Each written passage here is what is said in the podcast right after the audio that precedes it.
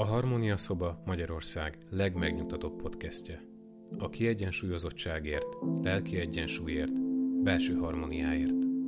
A mikrofon mögött bukta Tünde szakpszichológus, aki megosztja veled az emberi életben megélhető tudatos és tudattalan hatások magyarázatait.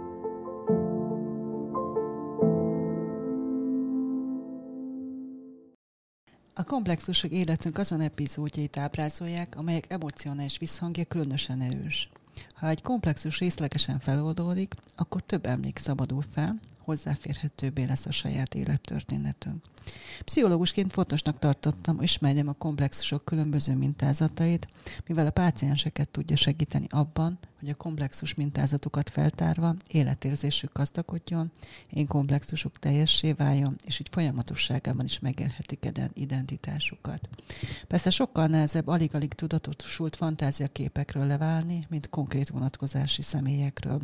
Ami a személyes anya és apa komplexust illeti, nagyon fontos, hogy a megfelelő életkorban leváljunk róla. Sok személyes, magánéleti nehézség azzal függ össze, hogy elmaradt a szükséges elszakadás. Persze nem tudunk egy csapásra leválni a szülőkomplexusról, de igenis szembesülhetünk azokkal részeivel, amelyek az ismétlő bajokat okozzák életünkben. Ha leválásunk nem volt elég sikeres, akkor végigkísérik életünket a mindig azonos aggodalmak és a mindig egyformán végződő várakozások, amelyek valahogy szem előtt évesztik a valóságot. Esetleg írdatlan kompenzációs építményt barkácsolunk össze, sok drága időt fecsélünk rá az életünkből, és végső soron semmi hasznát nem látjuk. Ha az életben önmagunkat elszalasztjuk, az bizony nagy hiba, és ilyenre a tudattalanunk reagálni szokott. Tekinthetjük az életfolyamatot, ahogyan Fromm javasolja születési folyamatnak. Az élet minden lépcsőfoka ideiglenes állomás, és a végső cél, hogy megszülessünk, mielőtt meghalnánk. A folytonos újjászületés készsége azt jelenti, hogy készek vagyunk a megkét komplexis mintából adódó szokásainkat újra meg újra megkérdőjelezni. De azt is jelenti, hogy bizonyosságainkból feladunk egyet s mást. Ez persze bátorság kell, merjünk másoktól különbözni, merjünk újra, meg újra, meg újra elszakadni, és új dolgokba fogni. Arról szól, hogy az ember egyes élettereket maga mögött hagy, vagy legalábbis csak módosult formában visz magával. Honfoglalás ez ismeretlen földön, és ebben a honfoglalásban csak érzéseire, gondolataira, álmaira hagyatkozhat az ember. Meg arra a képességére, hogy embertársaival mindig új kapcsolatot teremtsen. Sok esetben el kell határozni, hogy ezúttal egyszerűen az érzéseink, gondolataink, még ha nincs is rá garancia, hogy jó irányba visznek. Nekünk mindenképpen jobb irány lesz, mint az, amelyben mások gondolatai és érzései terelnek.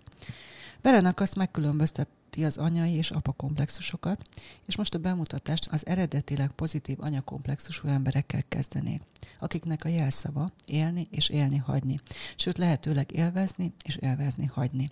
Megnyílnak a világ előtt, elvárják a jót, és gyakran meg is kapják. Majd csak lesz valahogy csatakiáltással vonulnak át az életem hajlamosak rá, hogy mindent birtokolni akarnak, mindent élvezni akarnak, és ezért jó érzékük van az egésszel foglalkozó elméletekhez. Akiből bevősödött az élmény, az élet nagy ősanyaként gondoskodik róla, annak többnyire görcsöktől mentes viszonya lesz az anyaghoz. Természetes jogának tekinti, hogy szükségleteit kielégítsen, és általában jól bánik az anyaggal közel a tágértelemben vett érzékiséghez, de az anya hatása ennek más-más színetetet ad. Ezeknek a személyeknek, akiknek pozitív anyakomplexusa van, édesanyja sokat tett azért, hogy mindig megteremtse a védettség, a biztonságérzését a gyermeke számára. Képesek voltak megadni gyermeküknek azt az érzést, hogy ő érdekes és jelentős személy. Ezáltal azt az érzést is közvetítik nekik, hogy az élet csodálatos, és a tenyerén hordja őket. Jótékony hatásukkal elérik, hogy a gyerek megélhesse az élet teljességét és elevenségét. Azután attól függően, hogy ők maguk mennyire tanultak meg elszakadni, leválni saját szüleikről, meg tudják adni a gyermek életkorához illő kitaszító impulzusokat is. Ez a folyamat a kétségbe vonhatatlan létjogosultság érzését adja a gyermek énjének.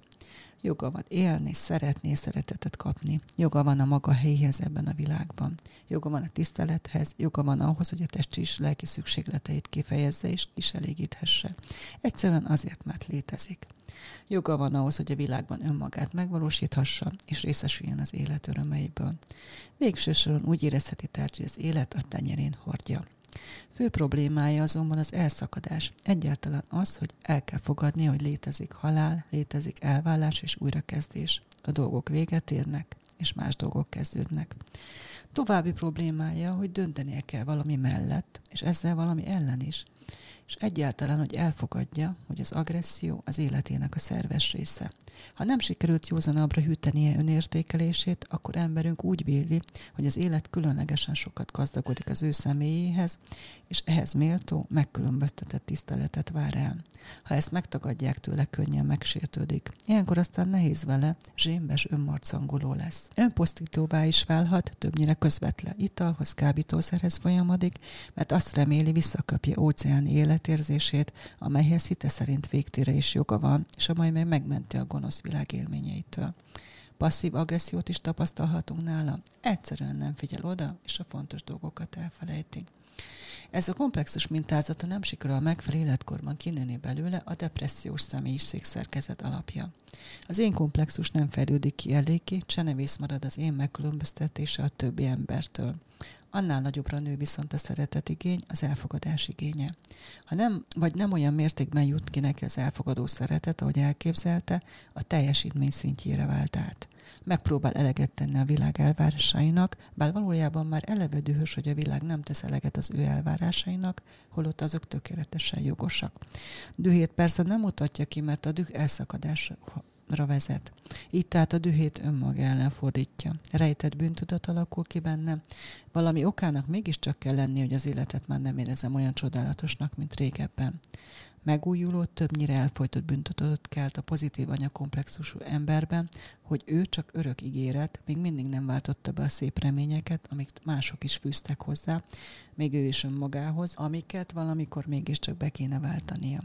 Tudott előterében eleinte még nagy zóló fantáziákkal kárpótolja magát csődjéért, még hiszi, hogy egy szép napon kirukkol majd az igazi nagy dobással, de a háttérben már ott lappang a bűtmudat, ráadásul én komplexus az illált, agresszióját nehezen tudja kézben tartani, hasznosan kiélni, és rátör a depresszió. Az a döntő lépés, amely átvezet a szimbiózisba, az individációba, az anyával való egység élményéből önmagunk, mint önálló személyiség örömteli megélése nem egyéb, mint az elszakadás. Amikor a gyermek ezt első alkalommal éli, akkor dől el, hogy mennyire lesz félénk, milyen rátermetten tud majd az ilyen esetekben viselkedni élete során, mennyire lehet önmaga. De minden további elszakadásnál is, amely az életben még ránk vár, újra meg újra eldől, hogy megtanuljuk-e kordában tartani szorongásainkat, meg tudunk-e birkozni az élettel a szorongás ellenére. Minden szorongásos betegség ezzel függ össze, hogy autonóm személyiségé válunk-e, képesek vagyunk-e agressziónkat hasznosan kiélni, vagy agressziónk gátlásra válnak, és nem engednek kiválni a szimbiózisból. Jung szerint a személyiség fiatal része, amelyet gátolnak és visszafognak, kelt és szorongássá változik át. A másik fő csoport az eredetileg negatív anyakomplexusú emberek közös vonása, hogy úgy érzik rosszak és rossz világban élnek, nincs meg a feltétlen létjogosultságuk, és az végső soron az ő hibájuk. Kitartanak, mert tudattanul még mindig várják az anyai áldást, várják, hogy az anyjuk belássa, tévesen ítélte meg őket. Az az érzés is elkíséri az ilyen embert, hogy sohasem sikerül igazán másokhoz tartoznia. És bár a lelkét is kiteszi, hogy nélkülözhetetlenné váljék, minden erőfeszítés ellenére nem éri el a feltétlen létjogosultság érzését, amelyre törekszik. Az ősbizalom és a vele járó kellemes életérzés helyett ősbizalmatlanság és szorongás uralkodik az életében, amiért úgy érzi, hogy amit kontrollálni lehet, azt kontrollálni is kell. Ezt a kompenzáló magatartást mások gyakran úgy értelmezik és úgy élik meg, mint a hatalmi komplexus lenne, pedig csak az önmagát tehetetlennek érző ember vergődik, hogy a felszínen maradjon. A vélt bántalmakra vagy dükkötérésre reagál, ami legalább utat nyit rejtett indulatainak, kimutatja még eleven érzelmeit, vagy elfolytott haraggal és passzív ellenségességgel. Ebben a rendszerben többnyire az agresszió kezelését sem sikerül jól megtanulni. Az ősbizalmatlansághoz kapcsolódik a reménytelenség érzése is. A kitaszítottság érzése uralkodik, és ebből következik a késhegyig menő harc a mégiscsak oda tartozásért. Többnyire a vetélkedés fejlődik ki igazán, a cselekvő szeretet kevésbé. És bár az ilyen ember igen sokat tesz másokért, ha az ilyen ember életerős, a jó oázisokra talált fő komplexusán belül, akkor az a meggyőzés alakul ki benne, hogy harcolni kell azért, ami hiányzik. Teljesítményítől reméli az önértékelést, és azt az érzést, hogy méltó a szeretetre. A legkülönbözőbb jellegű teljesítményekkel próbálja kiérdemelni a dolgot, hogy jelen lehessen a szociális térben. Akinek van ilyen anyakomplexusa, ne várja mástól létjogosultsága bizonyítását, hanem értse meg, léte önmagából meríti létjogosultságát. Ha egy nő rendelkezik ilyen komplexussal, akkor tipikusan az az életérzése, hogy az embernek mindenért meg kell küzdenie, amire természetszerűleg szüksége van.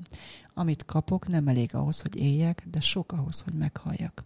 Életérzése az, hogy neki tulajdonképpen nem szabad léteznie, nincs joga létezni. Kialakul benne az ősbizalmatlanság, és vele az általános szorongás és a ködös érzés is, nincs jogom létezni. A világ olyan, amilyen, és akinek baja van, csak saját magát okolhatja. Ez az elsődleges bűntudatérzése mélyen gyökerezik. Vennenek azt elmesél egy történetet egy férfiről, aki házasságában nem érzi magát olyan tehetetlennek, mint kisfiú korában az anyja mellett. Ekkor azonban találkozott egy nővel, aki értésére adta, hogy vonzónak találja. Először azzal reagált, hogy még jobban belevetette magát a munkába, hetekig így is menekült a csábítás elől, és sikerült is szerencsésen ellenállnia. Kényszeres személyiségre való, hogy az elhárításnak ezt a módját választotta, még rendezettebb élet, még több kontroll. Ez azonban csak egy pár hónapig vált be, mert egyre több csábító helyzet akadt, egyre több nő mutatott iránta érdeklődést. Az erotikus kísérletés bárkitől indult, és egyre fenyegetőbb lett. Ha ezeket a csábítási helyzeteket a fejlődés kifejezőinek, az élet felszólításainak tekintjük, akkor meglátjuk bennük a pszichében ébredező új animafigurát, amelyet a csábító asszonyokra vetít ki, és amely erotikus szexuális szenvedélyre lobbantja. Az egyes sürgetőbb csábítási alkalmat a neurotikus szívbetegséggel reagált. Pszichodinamikus szemszögből nézve emögött a neurotikus szívbetegség mögött az elszagadástól való félelem állt. Ebben a beszédkítő szimbiózusban nem azért kell védekezni, mert az ember meg akar őrizni valami jót, hanem mert szorong, szeretné kizárni a rosszat, ezért aztán a világot szeretné kizárni, és egyben veszélyesnek is minősíti. Ilyen szimbiózusban fejlődni, önállósulni nagyon nehéz. Az erotikus kísértés természetesen elszakadási esemény, amely kivezet a nagy bizonytalanságba, és még bűntudat is terheli, mert ilyesmit nem csinál az ember.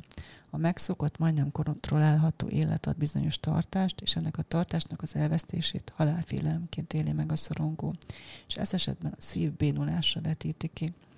Halálfélelemnek még egy jelentése is lehetett nála, hiszen ha enged a kísértésnek, akkor a férfi jelentősen megváltozna, a régi személyisége meghalna.